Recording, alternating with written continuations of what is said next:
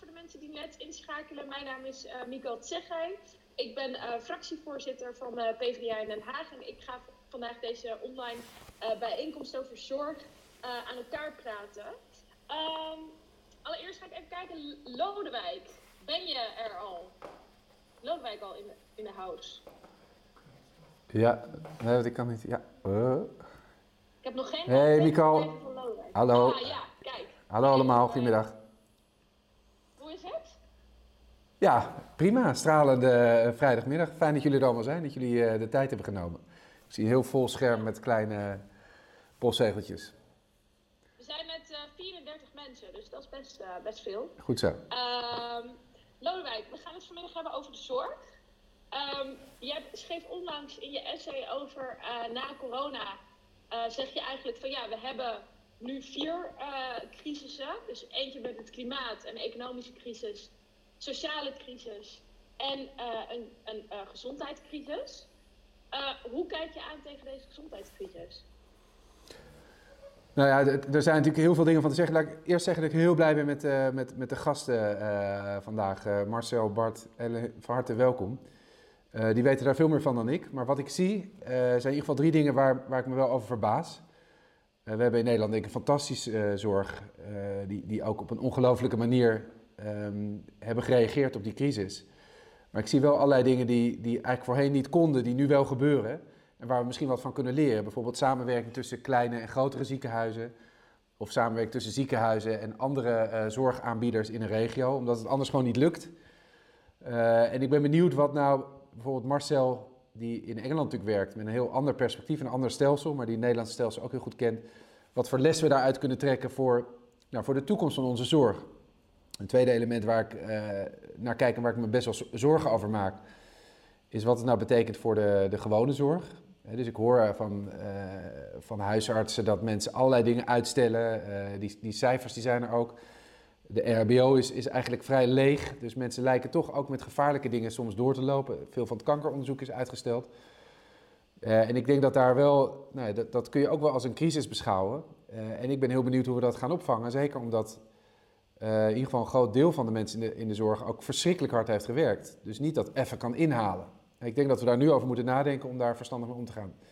En een derde punt waar, waar denk ik Ellen vooral mee bezig is, is hoe gaan we nou, weet je, wat kunnen we leren van het feit dat er, dat er geen vaccins uh, nog zijn, of dat het ook vaak niet aantrekkelijk wordt gevonden om voor dit soort ziektes vaccin te zijn. En hoe kun je nou voorkomen dat straks één bedrijf de loterij wint en, en uh, al die andere overheden en belastingbetalers daarmee op kosten jaagt? Ik had, wat dat betreft, we hadden gisteravond hadden we een kamerdebat over corona. En ik heb daar nog voorgesteld samen met GroenLinks en de SP om voorwaarden te stellen aan de Nederlandse steun voor het vaccinonderzoek. Nederland trekt daar meer dan 190 miljoen euro voor uit.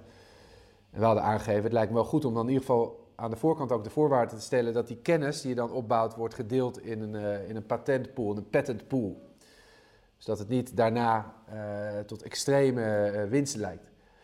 Nou, ik ben heel benieuwd hoe jullie daarover denken, want dat is wel een van de dingen waar ik me zorgen over maak. Dat, je, nou ja, dat we in Nederland ook regelmatig die discussies hebben van peperdure medicijnen of medicijnen die een paar honderd keer de marge van de kostprijs krijgen. Dus dat zijn denk ik drie onderdelen van, van of, of raakvlakken van de gezondheidscrisis die we nu meemaken met z'n allen. Uh, waarbij een laatste punt wat ik in deze gezondheidscrisis pijnlijk vind, maar wel belangrijk om, om meer naar te kijken, is dat je ziet dat die niet alleen ouderen meer raakt en mensen met een, uh, uh, een gezondheidsrisico, maar dat die ook in het Verenigd Koninkrijk en in de Verenigde Staten mensen met een lage sociaal-economische status en met een migratieachtergrond meer lijkt te raken, meer dodelijke slachtoffers. Dus ik ben benieuwd welke lessen we daar ook van kunnen leren en wat de experts daarvan zeggen. Maar nogmaals, Onwijs leuk dat jullie er allemaal zijn. Uh, spannend om dit zo te doen. Normaal zijn die uh, partijbijeenkomsten toch, uh, toch anders. maar leuk om even zo te doen. Ja. ja. Oké, okay, Lodewijk, dankjewel. Um, nou, we gaan het ook over al deze dingen uitgebreid hebben. En dat gaan we niet alleen doen met Lodewijk, maar ook met een aantal gasten. Die Lodewijk net al even noemde. Um, onze eerste gast is Marcel Levy. Hij is de directeur van de University College London Hospitals. Eh, Marcel, ben je al. Uh, ben je er al? Ja, we horen je niet super goed, Marcel. Ik zie je wel, maar. Gaat het zo beter? Het is een beetje zacht. Ik kan je een beetje verstaan. Ja, misschien is dat, eh, misschien is dat goed. Marcel, jij bent ziekenhuisdirecteur. Ehm, nou, misschien is dat een beetje een gekke vraag, maar hoe is het werk in het ziekenhuis veranderd door deze crisis? Oh, het is echt totaal veranderd. Um, die, ziekenhuizen, en dat is in Nederland niet anders dan in Engeland, die lijken helemaal niet meer op ziekenhuizen. Um, het was nodig om een enorme capaciteit te genereren op een andere afdelingen. Voor de nou. En dat is gelukkig gebeurd, dat is in Nederland in Londen. Uh, maar dat is wel, en zoals Lodewijk ook al zei, voor kosten gegaan van een hele andere zorg. Sommige dingen die niet konden wachten, nou hopelijk hebben we die nog opvangen, maar niet het echt voor. De opgave die we nu hebben, zijn groter dan de opgave. Um, Marcel, dankjewel voor je antwoord. Ik krijg terug dat je uh, door niet goed te verstaan bent. Um, dus misschien kun je even proberen iets misschien te doen met oortjes of een microfoon. Uh, dan gaan wij alvast even verder naar de volgende gast. En dan kom je zo nog even bij je terug. Ja? Oké. Okay. Um, onze volgende gast is uh, Bart Nijman. Hij is arts en mede-initiatiefnemer van het initiatief uh, Het Roer moet om. Marcel, Bart, sorry. Bart, ben je, al, ben je er al? Kunnen we je al horen? Ja, ik ben er wel. Oké, okay, hallo. leuk dat je, je ziet Marcel en ik praat. Uh, nee, ik zie jou ook hoor, dus dat gaat helemaal goed. Gelukkig. Okay. ja, gelukkig. Um, ja, jij bent uh, huisarts. Uh, ik kan me eigenlijk bijna niet voorstellen hoe de afgelopen weken voor jou geweest moeten zijn. maar kun je toch proberen ons hier een inzicht in te geven? Ja, dat zal ik proberen. ik ben huisarts in Amsterdam. En in Nederland begonnen de problemen met name in uh, Brabant. En wij hadden natuurlijk allemaal de beelden, de dramatische beelden uit Italië op ons netvlies. En in um, uh, Brabant uh, werd het natuurlijk ook dramatisch. En 17 maart, dat was um, dat ook in, in Amsterdam zeg maar, de crisissituatie min of meer werd uitgeroepen. Of dat we in een soort crisismodus gingen. En uh, dat wij als huisarts ook anders gingen werken als dat we gewend zijn. En dus uh, geen, in principe geen directe consulten meer hadden met de patiënten. Behalve als het heel erg met, uh, gerelateerd was aan co corona. Dat vergt een hele omschakeling in de manier waarop wij moesten gaan werken. En natuurlijk ook met alle beschermingsmaterialen en, dat soort dingen. En, en, heel veel werd telefonisch gedaan. En een groot deel was natuurlijk ongerustheid van mensen. Van wat speelt er allemaal. En de klachten die ik heb, passen die erbij. En we zaten nog een beetje in de, in de, in de uitloper van de griepepidemie die we in februari uh, gehad hadden. Ja. Dus er waren ook wat klachten die daar dan wat op, uh, op leken. Dus er was enorm veel ongerustheid. Er was natuurlijk ook onzekerheid bij ons van wat kunnen we allemaal verwachten.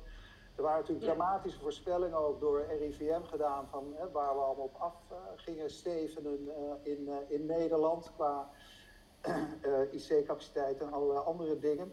Dus wij waren daar behoorlijk op voorbereid. Nou ja, en gedurende de weken, in, in, ik heb dus mijn praktijk in Osdorp, hebben wij de huisartsen in Osdorp, dat gaat, die geven maar huisartsenzorg aan 25.000 inwoners, hebben wij een beetje geturfd van, nou wat doen we nou, vooral op het gebied wat corona betreft.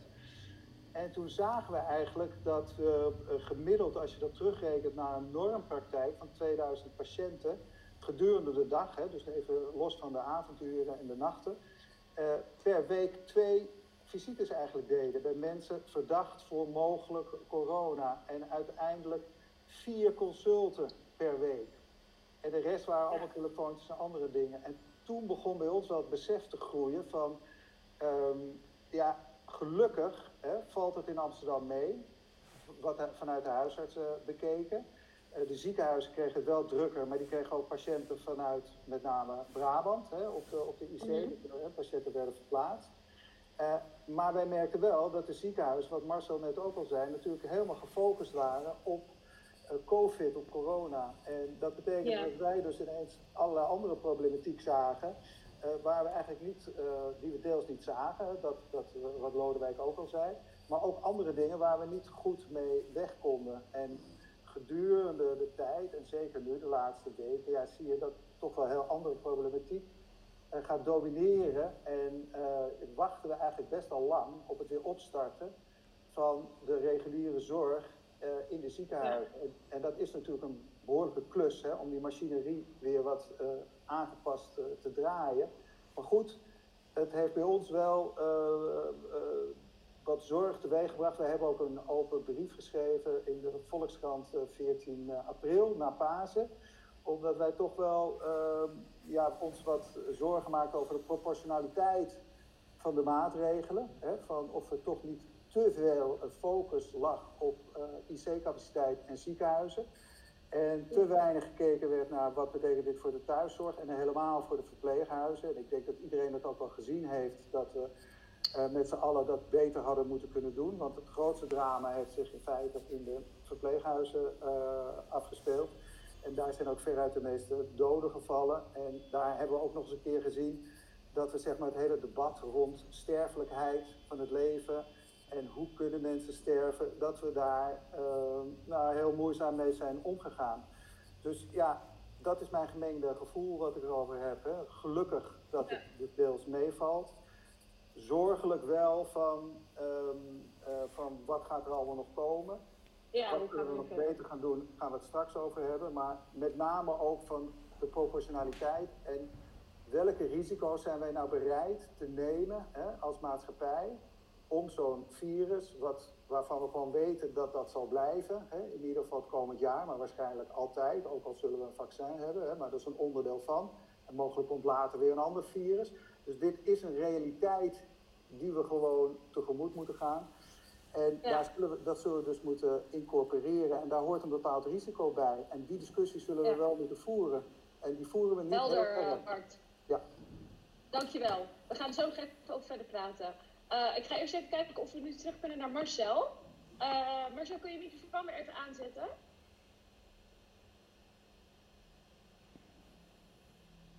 Volgens mij is Marcel even aan de telefoon. Oké, okay, we komen zo terug bij Marcel.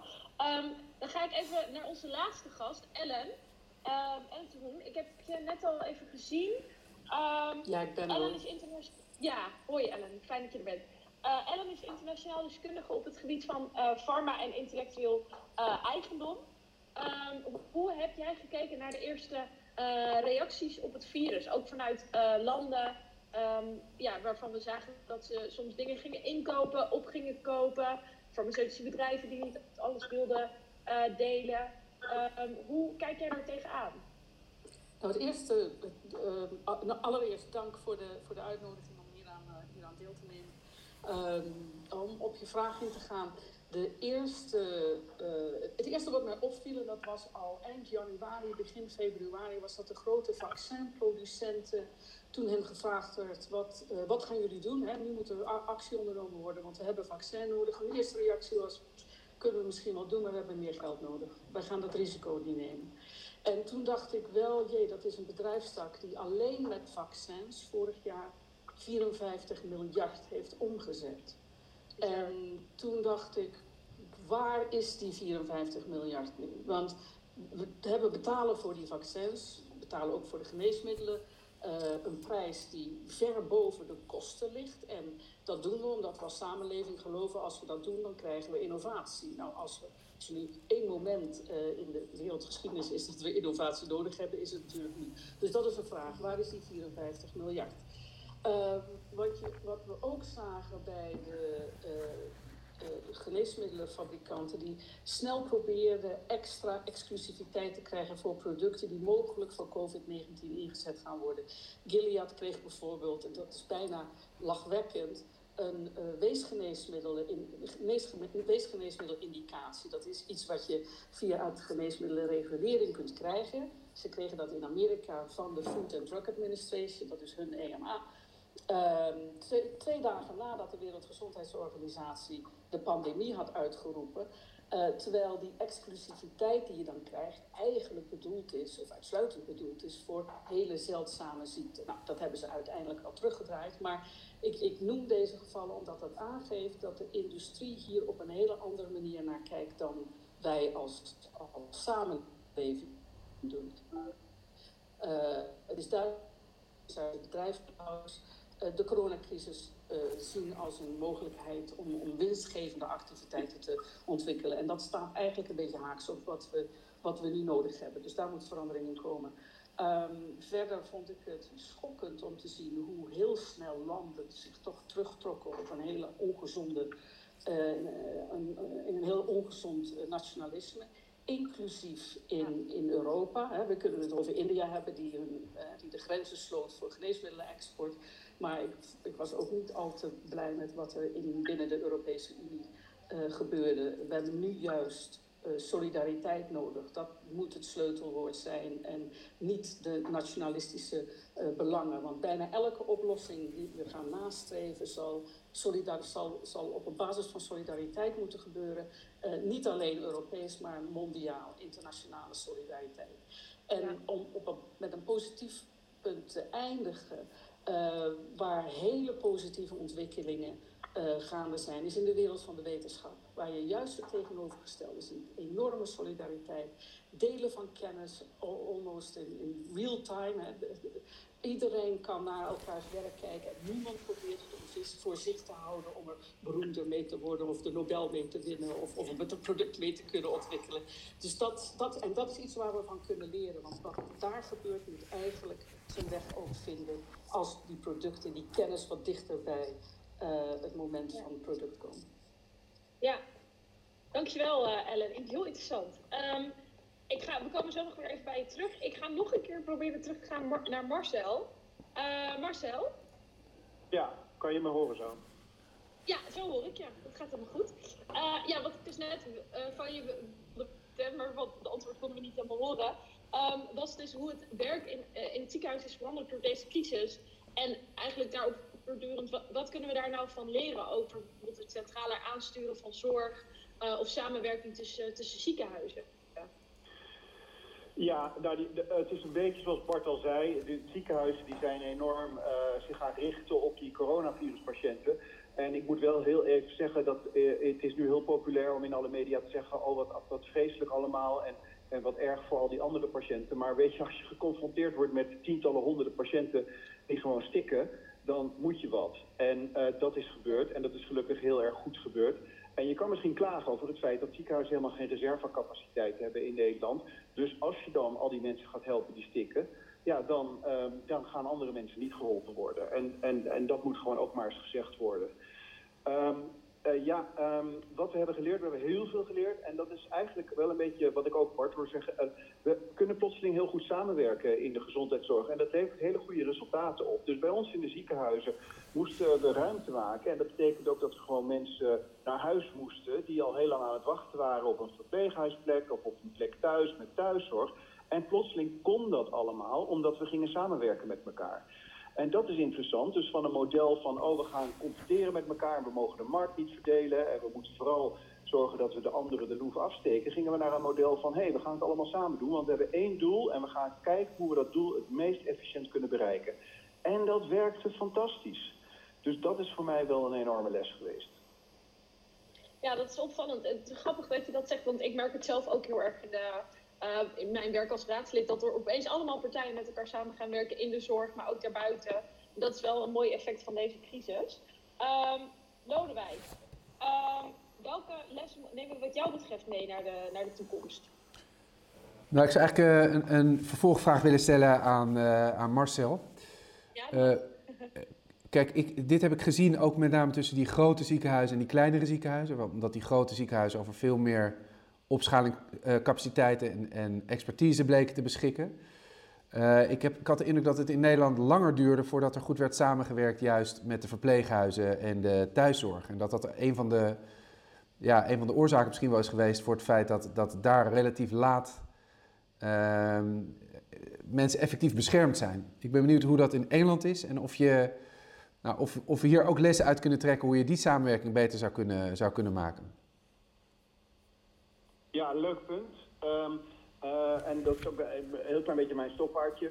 Uh, in Engeland heb je een heel centralistisch systeem. Het is het National Health Service, dat is een landelijk systeem, wordt strak door de politiek, uh, maar ook op gemeentelijk niveau aangestuurd. En er is heel duidelijk leiding.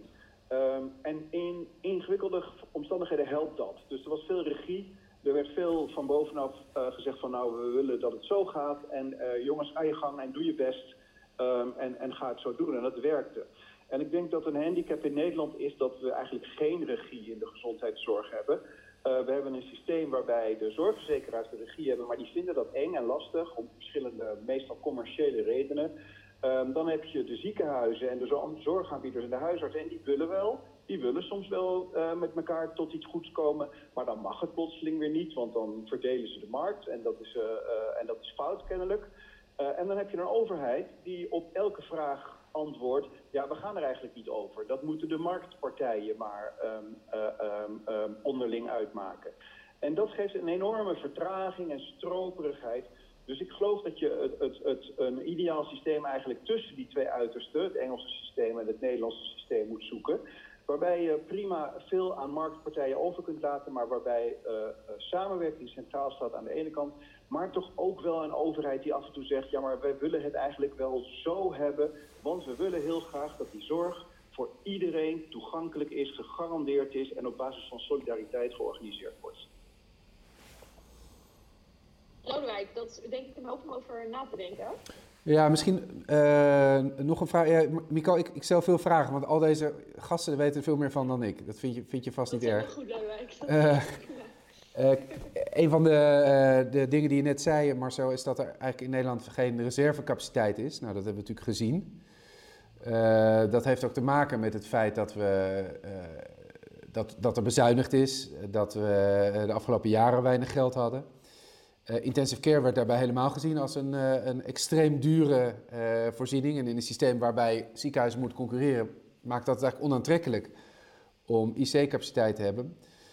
Welke lessen zouden we daaruit uit kunnen leren? Ook indachtig wat Bart zei, dat, dat dit virus er nog wel even is en dat er misschien nog weer andere virussen komen. Of zou het juist een fout zijn om nu buffer aan te leggen, omdat de, de volgende gezondheidscrisis misschien heel ander gedaante heeft? Ja, goed punt. Echt heel goed punt. Ik denk dat er onderdelen van de gezondheidszorg zijn waar we gewoon moeten, met elkaar moeten vaststellen dat het een soort nutsvoorziening is.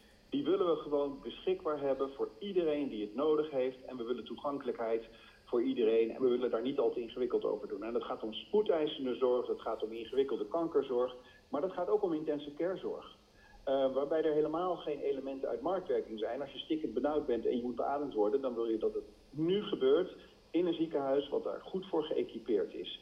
Dus, dus je moet gewoon dat als een soort centrale, als een soort publieke voorziening zien, die je in voldoende mate beschikbaar moet hebben voor je bevolking. Er zijn andere onderdelen van de gezondheidszorg die zich uitstekend lenen voor een meer, uh, een, een, een, meer planmatige benadering of, of, of, een, of een enorme efficiënte benadering. Maar intensive care is typisch een voorbeeld waarbij dat niet het geval is. Het aantal intensive care bedden in Nederland, in Engeland overigens ook, is ongeveer het laagste van heel Europa. En daar hebben we nu een heel klein beetje de prijs voor betaald. Bart, hoe kijk jij hier tegenaan? Ja, ik, uh, sluit aan bij, uh, bij Marcel. Ik denk dat we natuurlijk een enorme managementachtige benadering van de zorg gehad hebben, die heel erg op efficiëntie gericht was. En dus er zat nog maar heel weinig ruimte in. Ik bedoel, voor deze crisis waren we al heel erg bezig met personeelstekorten. Hè? En dat is nu bij zo'n IC in feite naast beademingsapparaten en dergelijke, hè, die je uiteindelijk wel krijgt, is het grootste probleem is natuurlijk gekwalificeerd personeel. En daar liepen we al tegenaan. En uh, we liepen al aan tegen tekorten aan, van huisartsen in bepaalde gebieden en, en ziekenhuizen. Dus uh, van de ene kant lopen we daar tegenaan. En van de andere kant zijn we aan het overbehandelen en doen we overdiagnostiek.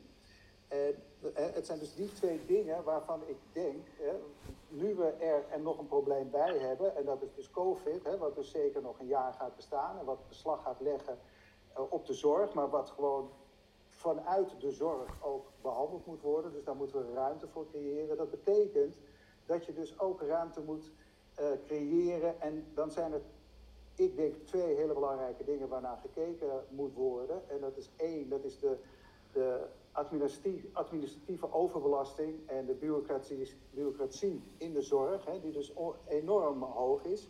Uh, er zijn onderzoeken hè, die dus aangeven dat uh, verpleegkundig personeel en ander personeel 40% van de tijd bezig is met allerlei administratieve handelingen. Nou, ik zou dus echt de politiek willen adviseren dat gewoon de norm, en misschien wordt het wel bij, bijna wetmatig, gaat worden dat dat niet meer dan 20% mag zijn. Dus mensen die aan het bed staan, die moeten gewoon 80% van hun tijd met patiëntenzorg, directe patiëntenzorg bezig zijn en niet 40% met de administratieve zorg. Daar ga je dus enorm veel capaciteit mee vrijspelen. En het tweede, en dat is denk ik ook een heel belangrijk iets, uh, dat is dat, dat is ook wel min of meer geaccepteerd, dat zo'n 30% van de geneeskundige handelingen, die kan je eigenlijk uh, uh, als, als, als kwalijke medicalisering beklemd zien. En dat betekent dat er te veel overbehandeling gedaan wordt, overdiagnostiek. Dat is ziekmakend, dat is slecht voor mensen.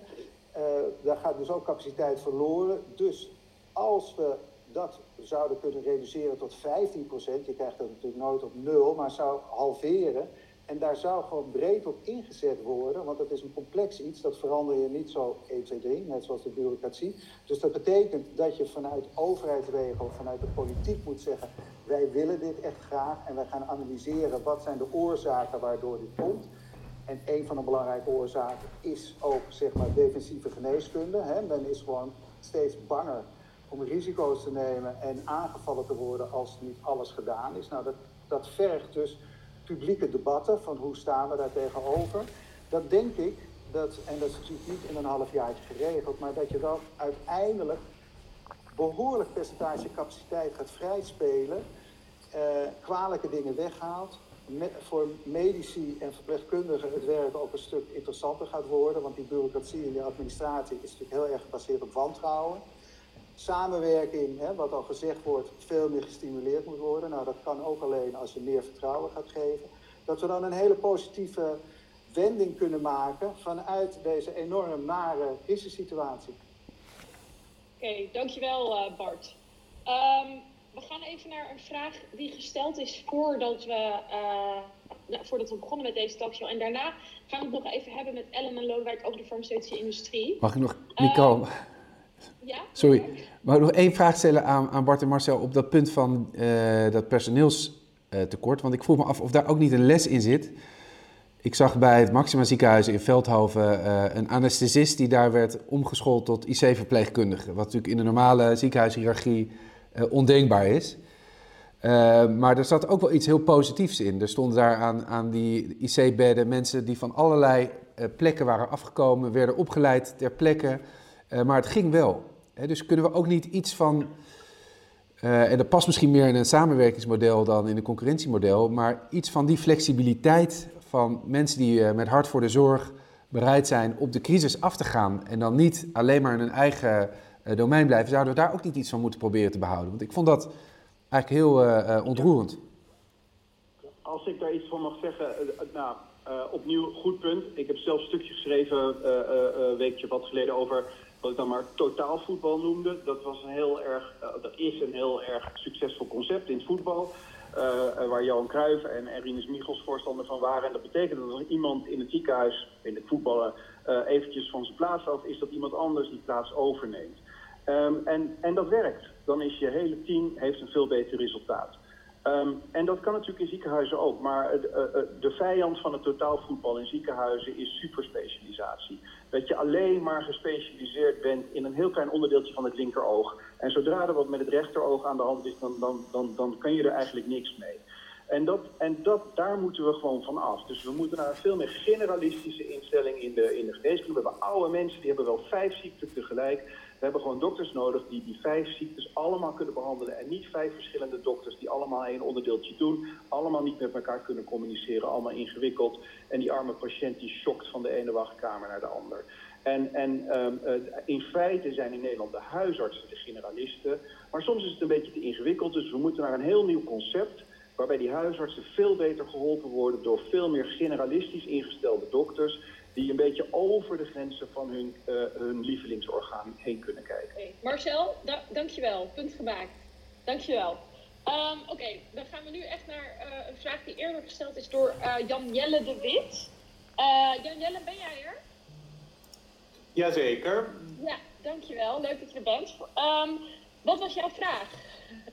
Nou, um, ik had in het essay van Lodewijk gelezen dat uh, hij uh, terecht ook kritisch is op uh, de doorgeslagen marktwerking die we nu hebben. En eigenlijk was mijn vraag, en dat haakt ook een beetje in op het punt van Bart Meijman, wat Bart Meijman maakte, namelijk dat er wel iets is als overdiagnose in de zorg. En ik had altijd in mijn hoofd dat marktwerking wel iets doet om te zorgen dat er niet te veel behandeld wordt. Misschien klopt dat niet. Dus eigenlijk is mijn vraag, heeft marktwerking in een bepaalde beheerste vorm ook goede kanten? Lodewijk, wil jij daar uh, op reageren? Nou, ik, ik, denk dat het twee kanten op werkt. Hè. Dus uh, het, het, idee dat alles door een centrale overheid te plannen en te bepalen is, lijkt mij uh, niet correct. Uh, maar, maar, ik heb soms de indruk dat die marktwerking ertoe leidt dat het aantrekkelijk is om zoveel mogelijk verrichtingen te doen. Hè. Want dat is ook weer, weer omzet. Maar ik denk dat, dat de vraag eigenlijk beter door, door, door Bart en Marcel uh, beantwoord zou kunnen worden. Ik, ik heb zelf. Kijk, wij waren destijds 2006 tegen uh, dat stelsel.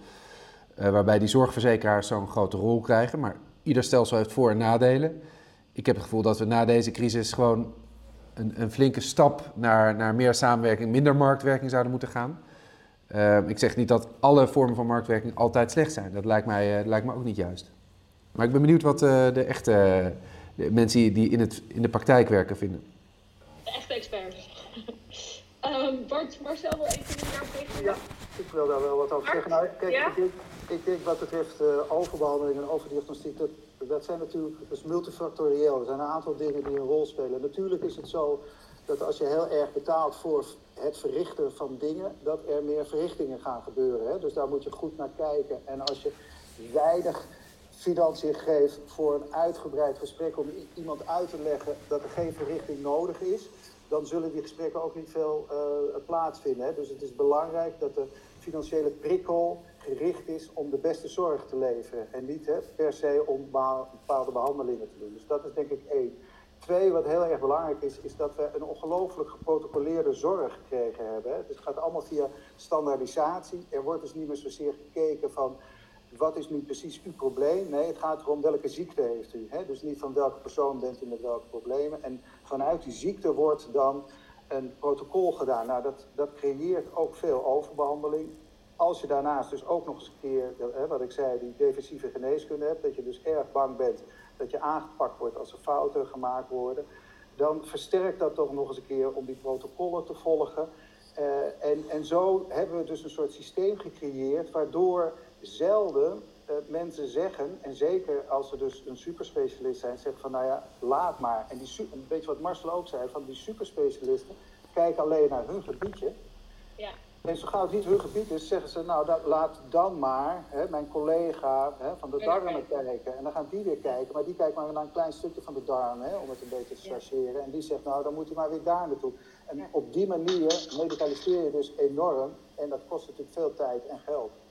Ja, helder Bart, dankjewel. Um, Danielle, heel erg bedankt voor je vraag. Ik hoop dat die een beetje beantwoord is zo. Uh, gaan we nu uh, toch echt even naar Ellen en even het hebben over de farmaceutische industrie. Uh, Ellen, jij volgt als patentrecht-expert de farmaceutische industrie op de voet. Um, nou, je vertelde net al een beetje wat je vond van de eerste reacties op, de, op, de, op het virus. Um, maar hoe kijk je aan hoe, uh, tegen hoe het zich allemaal ontwikkeld heeft. En uh, hoe landen zich op hebben gesteld, bedrijven, bedrijven zich hebben opgesteld. En wat kunnen we daarvan leren? Nou, ik denk dat we op dit moment in, in een situatie zitten waar we um, eigenlijk ongekende gelegenheden hebben om, om, om dingen op een andere manier aan te pakken. Die crisis legt natuurlijk op een hele pijnlijke wijze de fouten in ons systeem bloot. Het systeem van farmaceutische innovatie, het systeem van uh, geneesmiddelenprijzen, het, systeem van de internationale handel in, in geneesmiddelen. Van de ene kant profiteren we van de mondialisering, de, de grootschaal. Uh, schalige productie die zich plaatsvindt in, in, in, in, China en India, waardoor je dus hele lage prijzen generieke medicijnen kunt krijgen. Maar dan ben je vaak wel afhankelijk van slechts een paar, uh, een paar producenten. Ehm, en zodra er iets misgaat met het transport of politiek worden er beslissingen genomen die ervoor zorgen dat die medicijnen de grens niet meer over kunnen. Dan zitten we dus in de, in, in de problemen. Dat is aan de ene kant. Aan de andere kant hebben we te maken met hele dure medicijnen. Zo duur dat die prijzen niet meer uit te leggen zijn. Zijn ook in de mm. samenleving niet meer te bevatten en zijn zeker niet meer, uh, niet meer betaalbaar. Uh, eigenlijk moet dat systeem een beetje op de schop. En daar kunnen we denk ik nu binnen de COVID-19-crisis grote stappen in zetten. Want wat je dus nu ziet, is niemand zegt nu, nou laten we op de markt gaan zitten wachten totdat we nieuwe geneesmiddelen krijgen. Of laten we op de, de markt zal wel voor dat vaccin zorgen. Nee, wat, wat je ziet gebeuren is dat landen bij elkaar komen. We hebben vorige week de Pledging Conference gezien onder uh, voorzitterschap van, van, van, de, van, de, van de president van de Europese Commissie. Uh, landen die geld bij elkaar brengen om die innovatie, om die ontwikkeling van nieuwe geneesmiddelen en, nieuwe, en, een, nieuw en een vaccin voor COVID-19 uh, eh, te, laten, te laten gebeuren. Nou, wat nu belangrijk is, is dat er aan, die, uh, aan dat geld voorwaarden worden, worden verbonden. Het kan niet zo zijn dat we van de ene kant nu de innovatie voorfinancieren en vervolgens we te maken gaan krijgen met geneesmiddelen of vaccin die we op mondiaal niveau niet kunnen eh, niet kunnen veroorloven. Uh, we hebben al één, bedrijf heeft aangekondigd het vaccin tegen een non-for-profit prijs. Mocht dat, dat bedrijf de jackpot winnen, want dat is een beetje het systeem, uh, voor 10 euro op de markt te brengen. Nou, dat is misschien voor ons, voor de, de, die hier op, deze call zijn, op te brengen. Maar voor het merendeel van, van de wereldbevolking is dat een veel te hoge, veel te hoge prijs. Dus daar moet, eh, daar moet internationaal het, een en ander aan, gebeuren. Er ligt op dit moment een, uh, een, voorstel bij de Wereldgezondheidsorganisatie, dat gedaan is door, uh, door Costa Rica, om, om een systeem op te zetten om ervoor te zorgen dat al die kennis, intellectuele eigendom, technologie, die nodig is om een goede uh, voor een goede respons, een goede reactie tegen het, het, het uh, COVID-19, om dat bijeen te brengen, om ervoor te zorgen dat dat mondiaal beschikbaar is. Waardoor je dus uh, bijvoorbeeld op verschillende plaatsen in de wereld vaccinproductie kunt, kunt opzetten. Er zal geen enkel bedrijf zijn die dat alleen kan doen voor de wereldbevolking. En als we dat niet doen, dan krijgen we een situatie zoals we die in de tijd met de, met de HIV, met de aidsgeneesmiddelen hebben gezien. Dat op het moment dat ze beschikbaar kwamen, waren ze beschikbaar in rijke landen. En duurde het 10 tot 15 jaar voordat mensen in ontwikkelingslanden daar toegang tot krijgen. Dat kunnen we, dat, we weten nu ook hoe we dat kunnen voorkomen.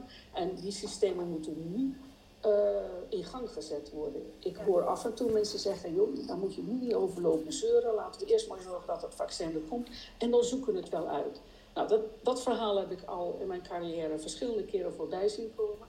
En dan is het altijd zo dat als het geneesmiddel of het vaccin er is, het een enorme strijd wordt om dat beschikbaar te maken aan iedereen die het nodig heeft. Laten we dat Helder. deze keer doen. Dankjewel, Ellen. Uh, Lodewijk, wat voor rol denk je dat de politiek hierin kan spelen? Want het klinkt als, ja, het is best wel een groot probleem.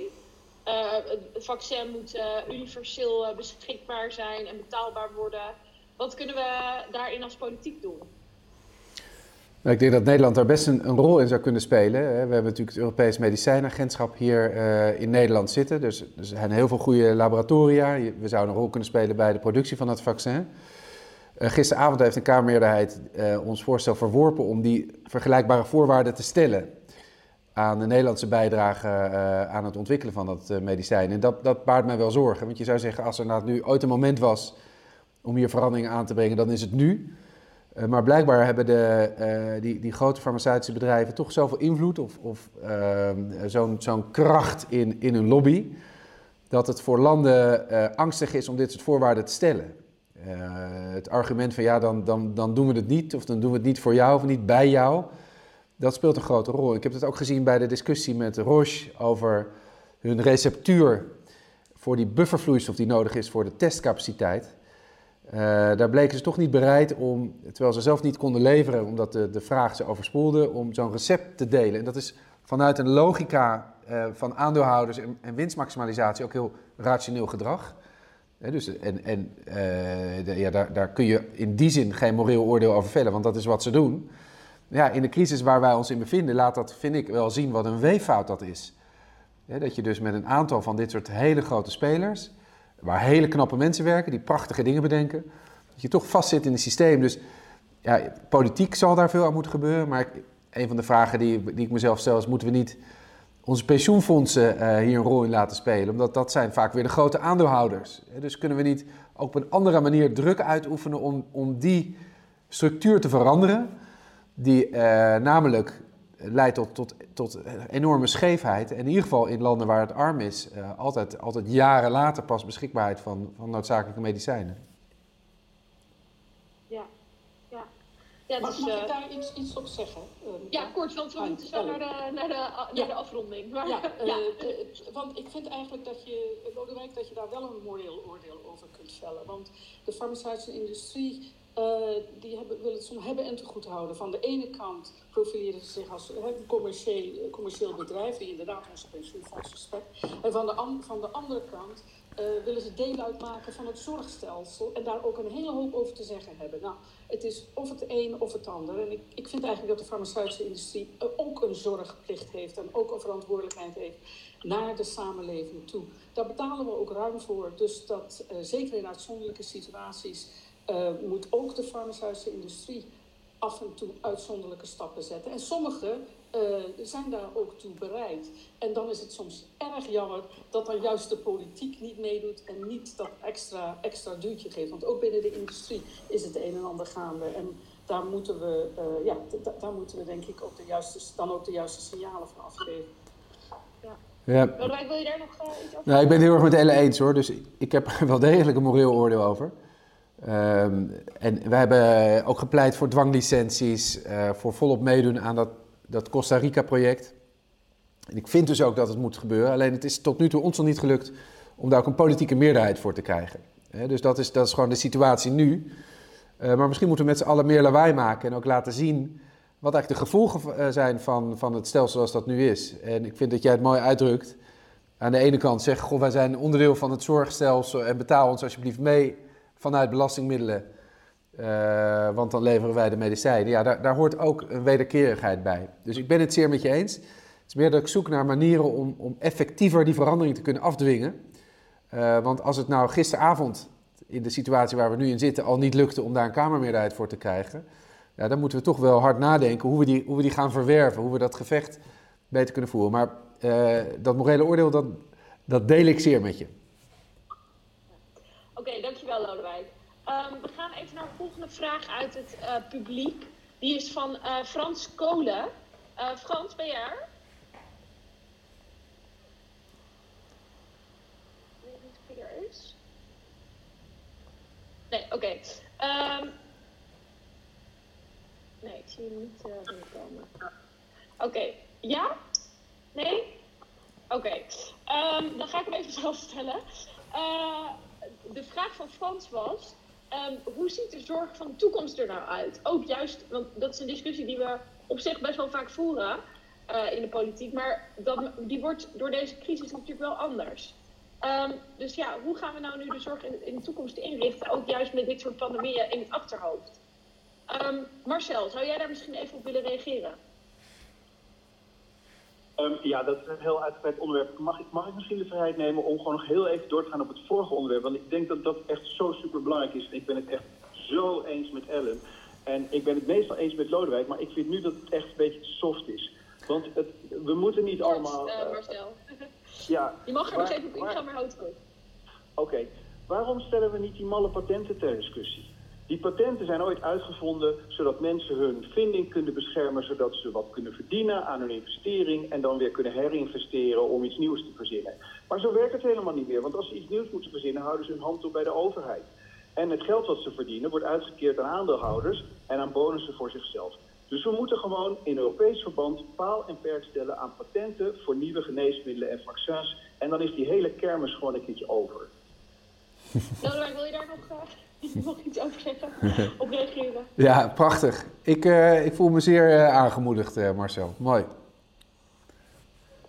Oké, okay. um, dan wil ik toch even terug... Zal ik nog iets zeggen over die, die, die... Kijk, we hebben denk ik steeds over de, de zorg van de toekomst gehad en de lessen die we kunnen leren. Dus één element wat we nu in dit gesprek nog niet heel erg hebben benoemd, wat, wat ik interessant vond, is Dat gaat ook weer over de, de menselijke kant ervan. Ehm, de, de, neiging bestaat om ons heel erg te concentreren, ook vanuit de politiek, op, op de, de machines en de beademingsapparaten, et cetera. Uh, maar ik denk dat uh, goed opgeleide verpleegkundigen, dat dat in heel veel gevallen de, de echte bottleneck is geweest. dus ik denk dat we ook daarin op een andere manier naar de zorg zullen moeten kijken, om te zorgen dat die beschikbaar is. En dat sluit wel erg aan bij wat Bart en Marcel ook zeiden op hun manier. Uh, als je alles doorspecialiseert naar mensen die nog maar één ding heel erg goed kunnen, uh, dan dreigen denk ik de patiënten en de mensen die zorg nodig hebben daar, daar de dupe van te worden. Dus als we het anders kunnen organiseren, waarbij we uh, de gekte van de markt op wat radicalere manier, zoals Marcel ons net heeft, toe heeft uitgenodigd, maar ook in de manier waarop het georganiseerd is, eruit kunnen duwen, dan ontstaat misschien ook meer ruimte voor mensen die dat vak willen uitoefenen, om dat op verschillende manieren te kunnen doen. En daarmee uh, minder tijd kwijt te zijn aan administratie. Uh, en meer tijd ook aan, aan echt kijken eh, naar en luisteren naar patiënten. En daarmee ook zorgen dat de, de zorg zinvol is en, en ook als zinvol wordt ervaren. Dus dat vind ik ook nog wel een les die we, die we zouden kunnen proberen te leren hieruit. Okay. ik kom zo nog even bij je terug. Um, Bart, hoe zie jij de zorg in de toekomst? Nou, ook zeker met dit soort pandemieën in, in, in het achterhoofd. Uh, daar, ja, ik heb er al wel iets over gezegd. Hè. Ik denk toch uiteindelijk, zo'n pandemie die komt en dan, dan zul je een acute fase hebben zoals dat nu is. En dan zul je daar hopelijk wat meer reservecapaciteit hebben. En uiteindelijk zul je dat toch moeten inbedden hè, in de rest van je zorg. Maar ik mhm. vind nog een, een, derde iets wat ik graag zou willen benoemen. En dat is wel zeg maar de preventie. Wat mij gefascineerd heeft, is deze keer dat je dus Rutte hoort zeggen van hè, de volksgezondheid is gewoon nummer één. En daarvoor wijkt gewoon heel veel, hè, of bijna alles. En woorden ja. dus, want nu wat er in feite gebeurt is natuurlijk terecht preventie, dat mensen geïnfecteerd raken, ziek worden en uiteindelijk doodgaan. Daar worden enorm vergaande maatregelen genomen, die zelfs hè, vrijheidsbeperkingen van mensen teweeg brengen. Ja. Dat, hè, nou, daar zijn we het eigenlijk met z'n allen wel, accepteren we dat, hè, dat dat gebeurt. Het is wel fascinerend dat we dus met andere zaken die dus ook de, de volksgezondheid betreffen, dat we daar veel toleranter in zijn. Want als je dus praat over roken bijvoorbeeld, hè, wat 20.000 mensen per jaar het leven kost, laat staan hoeveel mensen daar aan ziek gaan, uh, ziek van worden en veel eerder komen te sterven. Hoe uh, zachtaardig we daar zijn, terwijl we weten dat het een verslavende ziekte is. En ondertussen laten we dat gewoon bestaan. Daar worden helemaal geen knalharde maatregelen genomen, laat staan ja. mensen, hè, beperkt hoe kijken we naar suiker, naar vetten, naar slechte voeding? We hebben het over sociale verschillen tussen mensen. Nou, dat komt juist hier, toe, hè, hier erg in uiting. Uh, ongezond eten, slechte uh, uh, leefpatronen. Wat, wat doen we om de publieke ruimte veel gezonder te maken? Hè? Hoe, hoe moeilijk is het vaak om een trap te vinden als je een gebouw binnenkomt en je stuit meteen op een lift? Nou, allemaal van dit soort dingen veel meer uh, educatie op scholen over gezondheid, veel meer lichaamsbeweging daar weer inbrengen. Ik Helder, dat Bart. dingen zijn heel erg belangrijk. Ja, dankjewel Bart. Uh, Ellen, wil jij nog uh, deze vraag beantwoorden? Deze kijkersvraag.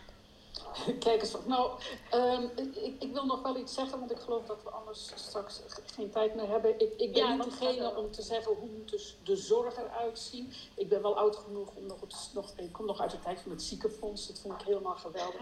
Uh, waarmee ik wil zeggen, uh, de overheid moet het voortouw nemen. Natuurlijk zijn er, uh, zijn er belangrijke rollen voor de marktsector te spelen binnen, binnen de zorg, maar de marktlogica moet niet de prioriteiten in de zorg of de wijze waarop zorg wordt, wordt verleend uh, dicteren. Dat, moet, dat moeten we collectief doen en daar heb je een goed functionerende overheid voor nodig met politici die dat soort zaken uh, uh, begrijpen. En ik begrijp van Lodewijk dat we dat gisteravond helaas niet, niet hadden. Maar daar heb je dan weer verkiezingen voor. Het is belangrijk dat die politici niet al te angsthazig zijn en zich ook wat, wat meer durf tonen. Je ziet heel vaak.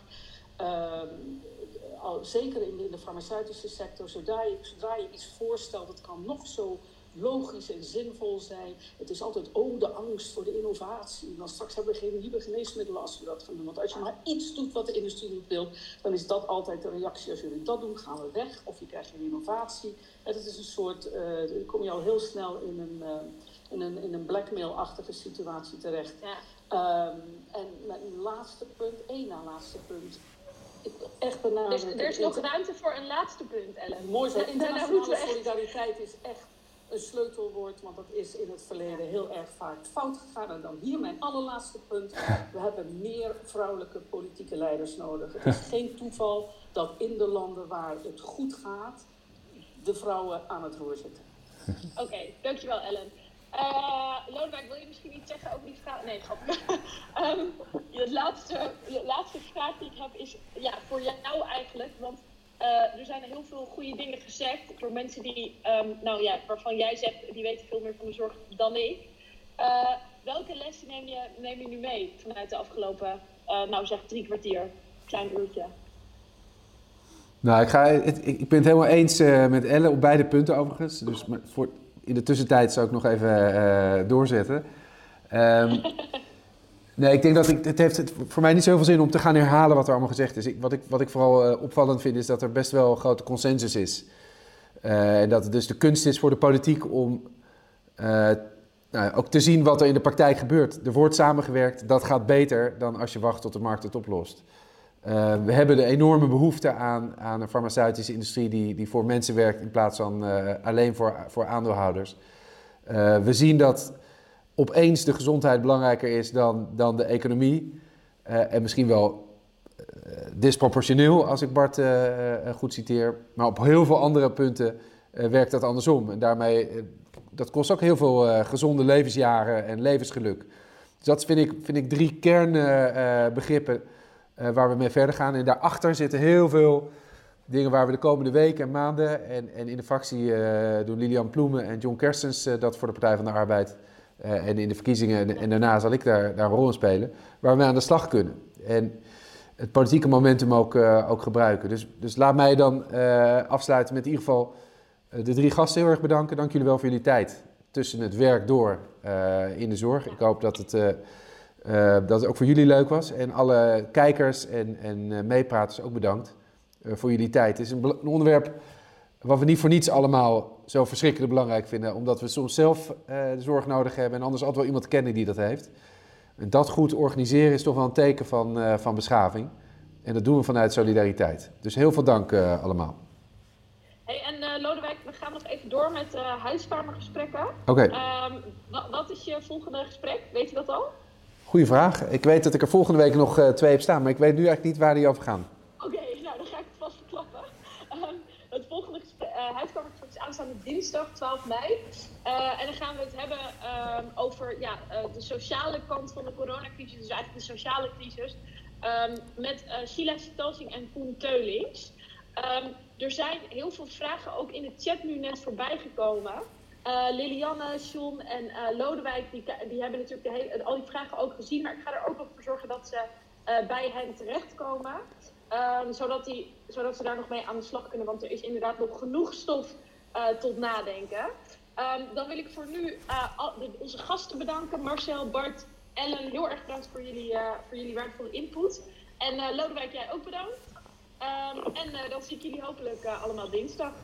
Fijn weekend. Ja, goed weekend allemaal.